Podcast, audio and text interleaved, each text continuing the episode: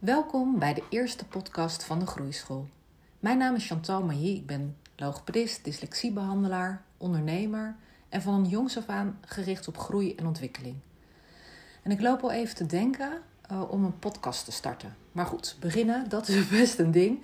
En vandaag ja, ga ik toch maar mijn eerste podcast opnemen omdat ik iets wil delen.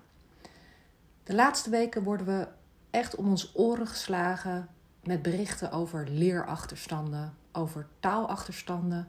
En dat maakt me eigenlijk heel erg veel zorgen. Want ik vraag me af waarom we zoveel druk leggen op het leren. Ja, het is een feit dat we nu al bijna een jaar ons onderwijs anders inrichten. Maar het stempel wat we nu onze kinderen meegeven is een negatief stempel. Onze leerlingen worden klein gehouden, weggezet als minder en vertrouwen wordt niet meer gegeven. En ik heb het idee dat de druk die wij onszelf als volwassenen opleggen, dat we die projecteren op onze kinderen. En ik zou dat dus zo graag anders zien voor onze kinderen. Want laten we wel wezen, ik heb ook wel eens een prutjaar gehad op school. Ik ben ook wel eens blijven zitten op de middelbare school. En heeft het mij minder gemaakt? Nee. Als ik erop terugkijk, eh, had ik eigenlijk dat jaar gewoon nodig om verder te kunnen groeien en me verder te kunnen ontwikkelen. Rust bieden, ruimte voor ontwikkeling en vertrouwen, dat zijn voor mij de sleutelwoorden. Kinderen zijn flexibel, kinderen zijn veerkrachtig, kinderen zijn leerbaar. En wanneer zij vertrouwen krijgen en steun en warmte, dan komt het heus wel goed. Kinderen leren niet onder druk. Kinderen leren door aandacht te krijgen.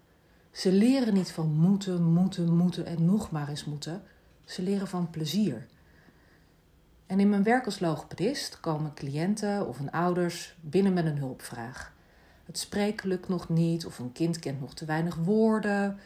Uh, ze kunnen zich niet goed uiten. Het lezen of de spelling blijft, een, uh, blijft achter ten opzichte van de groep.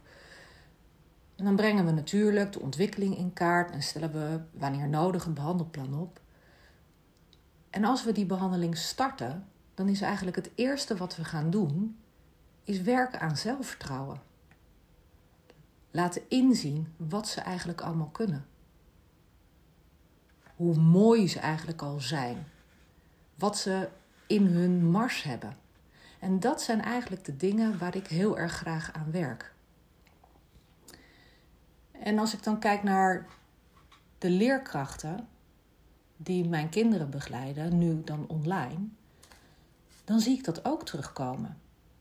Die leerkrachten die werken aan zelfvertrouwen, die werken aan plezier. Mijn kinderen lopen weg van de computer en hebben lol gehad. Ze, ze lopen met een glimlach, lopen ze weg. En dan weet ik ook, er zijn zoveel leerkrachten die dat doen.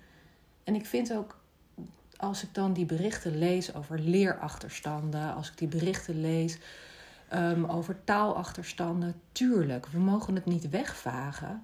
Maar we moeten ook wel een beetje vertrouwen hebben in onze leerkrachten. Want onze leerkrachten zijn bevlogen. Onze leerkrachten willen uh, hun steentje bijdragen aan de ontwikkeling van onze kinderen.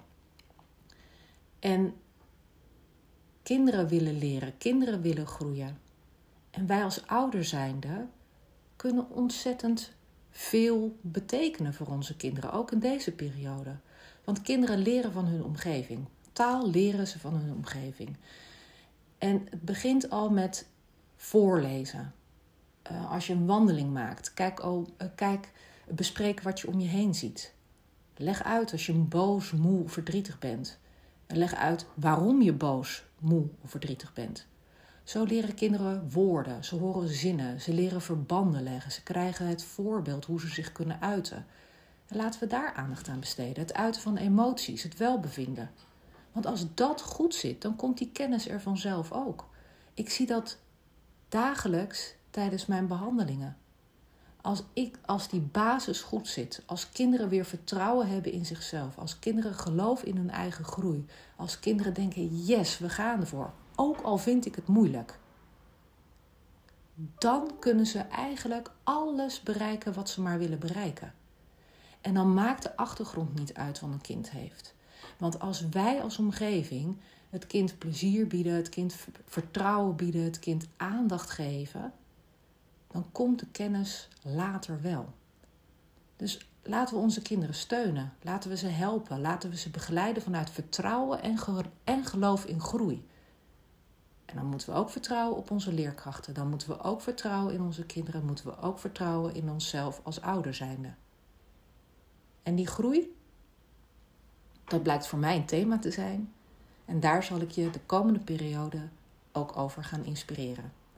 Bedankt voor het luisteren van deze eerste podcast. Fijne dag nog.